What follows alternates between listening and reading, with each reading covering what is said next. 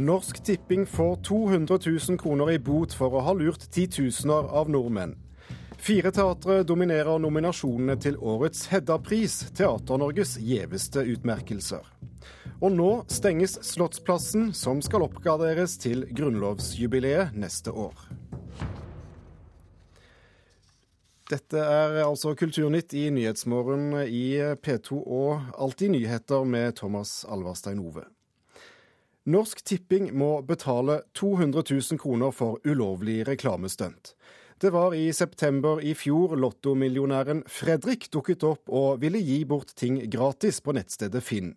32 000 interesserte tok kontakt med Fredrik. Men det hele var lureri, og etter hvert innrømmet Norsk Tipping at det var et reklamestunt. Nå kommer altså regningen. Det som var galt med den reklamen som Norsk Tipping hadde i høst, det var jo at de ga seg ut for å være en forbruker som eh, ga bort ting på Finn. Og det at man da ikke synliggjør at man er en eh, stor næringsdrivende som står bak det her stuntet, og som da bruker det som reklame for seg sjøl, det er forbudt etter loven. Sier forbrukerombud Gry Nergård. I fjor høst ble det lagt ut flere annonser av det som skulle vise seg å være en fiktiv lottomillionær som ville gi bort ulike eiendeler gratis. Nå har Norsk Tipping ilagt en bot på 200 000 kroner etter at Markedsrådet har slått fast at selskapet har brutt forbudet mot skjult reklame. Vi syns at den er viktig sett i lys av den utviklinga vi er i ferd med å se, om at, at, man eh, prøver å fremstille reklame som noe annet enn akkurat av reklame. Så gir det her et viktig signal om at det prinsippet er verdt å holde fast på, og at eh, man ser alvorlig på det når noen prøver å omgå det forbudet. Nei, det er jo bare tatt til etterretning. Eh, både vi og reklamebyrået vårt skulle ha tenkt oss bedre om i, i denne saken, så dette får vi bare bite i oss. Einar Busterud er direktør for kommunikasjon og strategi i Norsk Tipping. Sammen med reklamebyrået Try var det altså de som sto bak fiktive Lotto-Fredrik. Ja, hallo. Da får du kanskje den mest prestisjetunge gaven av de alle. Dette er lyden av en video som Norsk Tipping selv la ut da de sendte ut en pressemelding og fortalte at de sto bak. I videoen deler fiktive Lotto-Fredrik ut lamper. Så da får dere egentlig Gardiner. Sånn. Ja, så kjekt, da. Gardiner, skal dere henge det opp hjemme? Ja, ja. Mm. En bil. Denne er det og mange andre ting. Bare ta den òg, hvis du vil. Boten til tross, tanken bak var god, sier Einar Busterud i Norsk Tipping. Nei, vi har jo et ordtak som heter at lottomillionærer er, er ikke som andre millionærer. Og tanken var da at eh, du skulle da gi bort en eh, masse ting. Eh, en fiktiv lottovinner, da. Så da, det ble jo gjort. Så mange fikk jo både ja, alt fra utstoppet elghue til bil og masse innbåt. Selv om en bot på 200 000 kroner nok svir, kommer humor fremdeles til å være en del av markedsføringsstrategien til Norsk Tipping. Hva er den neste planlagte reklamekampanjen?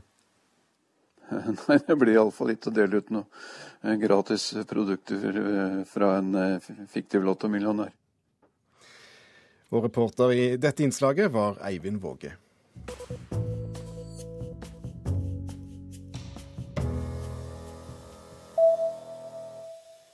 Trykket i norsk kulturliv blir målt når Statistisk sentralbyrå i dag legger frem sitt kulturbarometer. Det er fire år siden SSB sist la frem undersøkelsen som viser hvem som benytter seg av hvilke kulturtilbud her til lands, hvor ofte man benytter seg av dem, og hvor tilgjengelige kulturtilbudene egentlig er. Barometeret kan også legge et viktig grunnlag for kulturpolitikken som blir ført, sier kulturkomitémedlem for Arbeiderpartiet, Arild Stokkan Grande. Så i forrige barometer at eh, det er en skjevfordeling i forhold til at dem som før var aktive, eh, har blitt enda mer aktive, men at det er noen grupper som eh, vedvarende ramler ut av de ulike ordningene. og En sånn undersøkelse kan veldig godt fortelle oss om vi er på riktig vei, eller om vi bør justere grepene for å nå flere.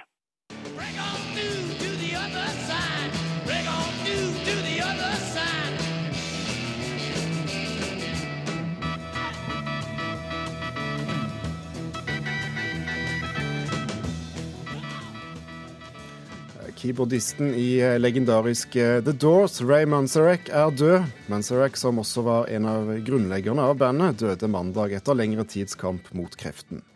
Det er ifølge en uttalelse på bandets offisielle Facebook-side.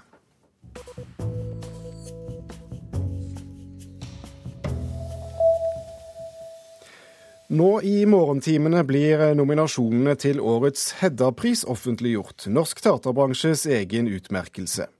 Nasjonalteatret, Trøndelag Teater, Black Box Teater og Det Norske Teatret dominerer nominasjonslisten. Hele tre av fem nominasjoner i kategorien Årets forestilling går til samtidsteateret Black Box for stykkene De utvalgte, Shipohoi og Stalker, mens Nationaltheatret står for de to andre nominasjonene i eh, kategorien, Kilda Mål og Villanden. Vi kan også nevne at Ingar Helge Gimle, Paul Ottar Haga og Nils Ole Oftebro kjemper om tittelen Beste mannlige hovedrolle, mens Giske Narman, Marie Blokhus og Helga Guren er nominert til Beste kvinnelige hovedrolle. Fire teatre dominerer altså årets uh, nominasjoner, seks eller sju hver. Astrid Slettbakk i uh, Hedda-juryen, uh, hva er det disse teatrene gjør riktig? Jeg er ikke så sikker på om de gjør så mye mer riktig enn andre. Men når, de, det gjelder de store institusjonsteatrene, så er det de som har ressursene. Det er de som er mest attraktive for kunstnerne å komme til de små teatrene sliter med små staber, små ressurser. Det betyr ikke at de ikke jobber like intenst og like seriøst som de store. Men antallet teller her litt også, ikke sant? Men Black Box, et teater som i, i, eh, i hovedsak lager samproduksjoner med, med frigrupper, sniker seg altså inn blant de store teatrene her. Hvordan har det skjedd? Altså, nå er det slik at Black Box er egentlig ikke et eh, produserende teater. Det er et programmerende teater. Det vil si eh, frie grupper eh, kan komme der med sine premierer. Eh, de kan koprodusere med frie grupper. Dette har de holdt på med i 28 år, tror jeg. Og jeg tror nå vi begynner å se resultatet av det arbeidet som Blackbox og Bit-garasjen i eh, Bergen og Avantgarden i Trondheim har gjort. De tre har også samarbeidet veldig. Samtidig, parallelt med dette, så har eh, vi fått de siste årene et tilsig av velutdannede folk til frifeltet. Folk som har tatt utdannelse ute og hjemme. Og vi har sett en fantastisk eh, profesjonalisering av eh, frifeltet de siste årene. Og det tror jeg også i fremtiden kommer til å prege Norsk institusjonsteater. I hvilken grad er det siste teateråret her i landet preget av nyutvikling, vil du si? Eh, den største nyutvikling står frigruppene for. Det er helt klart. Men det er et stort og veldig komplisert bilde fordi at de store institusjonsteatrene som står på offentlige budsjetter, de har eh, vanskelige økonomiske rammer, selv om de er store. Slik at de er nødt til å fylle setene sine. Og hvordan gjør man det? Eh, nyskapende frigruppeoppsetninger? Eh, neppe. Og I kategorien eh, Årets barne- og ungdomsteater der er det nå en overvekt av nettopp det siste ungdomsteater. Det er kanskje en, en ny trend? Det er veldig gledelig. Fordi dette er for oss som sitter i juryen og skal bedømme i den gruppen som heter barne og ungdom, så er det klart at forestilling som går på en treåring og på en 16-åring, nødvendigvis har veldig forskjellige uttrykk. Men eh, Og det har vært barneteater som har vært det dominerende i Norge tidligere. Men nå kommer ungdomsteatret seilende opp, og det, det er så gode eh, kandidater blant ungdomsteateroppsetningene eh, som har kommet. Så det er kjempegledelig. Astrid Slettbakk i eh, Hedda-juryen, tusen takk for at du kom eh, til eh, Kulturnytt. Hedda-prisene deles altså ut søndag 9.6. Og for ordens skyld så tar vi med at Kulturnytts teateranmelder også sitter i årets jury. I dag starter, arbeid... Arbeidet med å fornye Slottsplassen. Grusen foran Slottet har lenge vært et problem, fordi det renner ned over Karl Johans gate når det regner. For 90 millioner kroner skal imidlertid problemet nå løses en gang for alle. Reporter Kaja Kristin Næss, du er på plass foran Slottet. Hva skjer der nede, nede, hva skjer der nede nå? Akkurat nå er gravemaskinene i gang med å skrape sammen grusen til store hauger, og de er i ferd med å sette ut sperringene. Og prosjektleder Kjersti Sandvik i Statsbygd, hva er det som skal skje framover her? Nå skal vi fjerne det eksisterende dekket på Slottsplassen, og så skal vi grave 45 cm ned. Og så skal vi bygge opp hele overflaten og hele dekket på Slottsplassen på nytt så det blir nytt og fint. Eh, hvor lang tid vil arbeidet ta? Vi vil holde på i hele sommer og langt utover høsten. Og så skal vi jo være ferdig til 17. mai neste år. Så eh, det her er bare tiden og veien. Det er mye som skal skje. Hvordan vil eh, folk merke at det foregår noe her? Ja, I år så blir Slottsplassen avsperret. så Det kommer som du sa, til å være gjerder rundt hele anleggsområdet. Men vi skilter stiene som er åpne på randsonene, så folk kan gå gjennom parken på utsida av sperringene. da. Og eh, åpent slott, omvisningene de har på Slottet vil jo være åpen som vanlig. Så folk må bare møte på baksida av Slottet. Mm. Eh, budsjettet er altså 90 millioner kroner, ikke det er litt mye penger? Ja, det er akkurat det vi trenger for å få den plassen så fin og ny som den skal bli. Ulf Holmen ved Riksantikvaren. Eh, hvorfor er det så viktig for Riksantikvaren at eh, Slottsplassen eh, skal endres og bli ny etter hvert? Ja, Vi skal jo bevare den som den, viktige historiske plassen den er. Og vi skal samtidig få den til å se finere ut enn den har gjort, fordi vi har hatt store problemer med grusen som har ligget der lenge. Så vi skal opprettholde den eh, park- og plasskarakteren den har, men gjøre det på en litt annen måte. Mm. Hvorfor valgte man grus og ikke f.eks. brostein? Nei, det er jo fordi eh, Slottet i Oslo er et litt spesielt slott. Det ligger ikke midt i byen. Det ble jo bygget litt utenfor det som var Kristiania. Det var meningen at skulle, byen skulle gå helt opp til Slottet, men det ble det ikke noe av. Så det ble liggende inni en park. Og Derfor så skal jo parken og plassen ha et, et, mer landlig preg, og derfor vil det være galt å ha brosten eller annen type sten inni en park. Derfor er det riktig og viktig at vi opprettholder karakteren av grus, selv om vi gjør det på en litt annen måte enn til nå. Hva er årsaken til at man gjør de her endringene nå? Ja, Det er jo fordi det har vært store problemer, og fordi denne plassen ligger i en helling. og Da er det nesten umulig, for ikke å si helt umulig, å få en løs grus til å ligge pent over tid. Oslos eh, bys vel har reagert på, plan, på planene og mener omlegginga strider mot kulturminneloven. Hva vil du si til det? Nei, det gjør det slett ikke. For det første så er jo ikke Slottet og Slottsplassen direkte fredet etter kulturminneloven. Den behandles som fredet. Og den behandles etter Riksantikvarens råd og veiledning, og det er i tråd med den karakter og den historie den representerer. Og det blir godt bevart gjennom det prosjektet vi nå igangsetter. Kjersti, du sa til Ulf når du kom her, eh, gratulerer med dagen. Er det en gledens dag? Ja, dette er en gledens dag. For det er, lenge, altså det er mange som har jobbet i mange år for å få til det tiltaket som vi starta her i dag.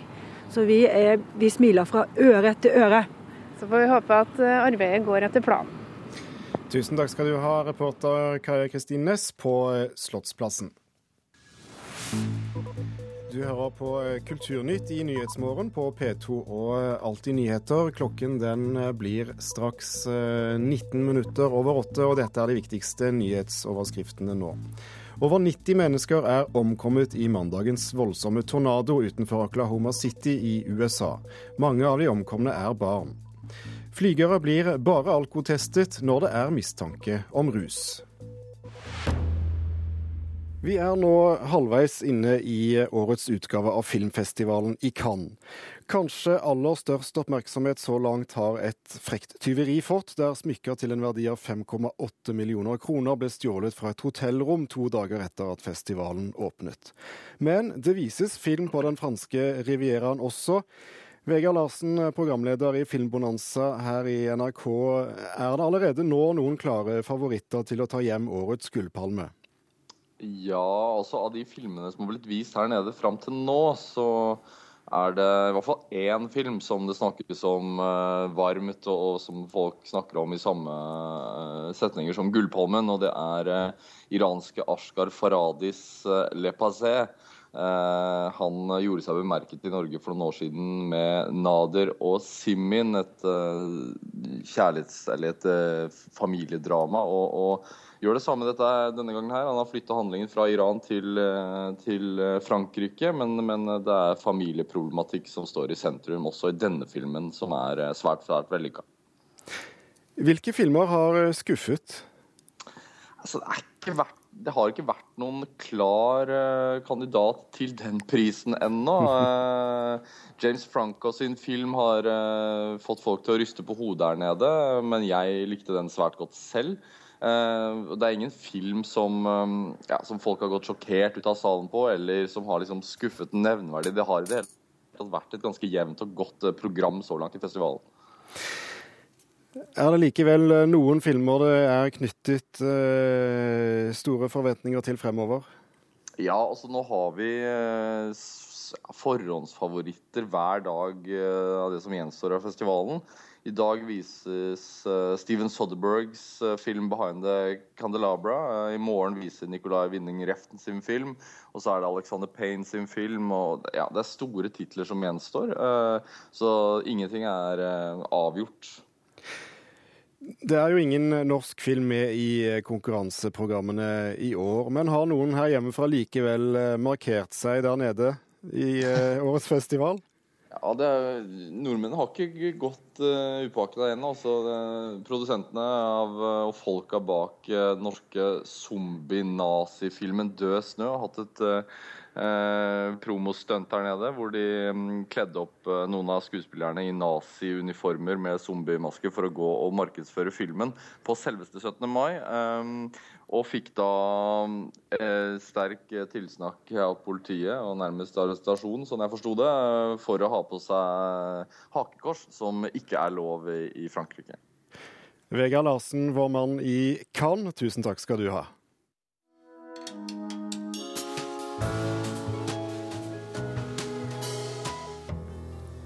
Maihaugen på Lillehammer søker frivillige som kan jobbe gratis i sommer.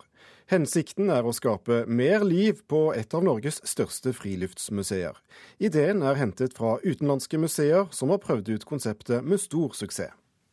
Ta Bryne Munka er bedre. Per Bollviken bryner ljåen til frivillige skal ta Slåtten på Maihaugen i Lillehammer i sommer.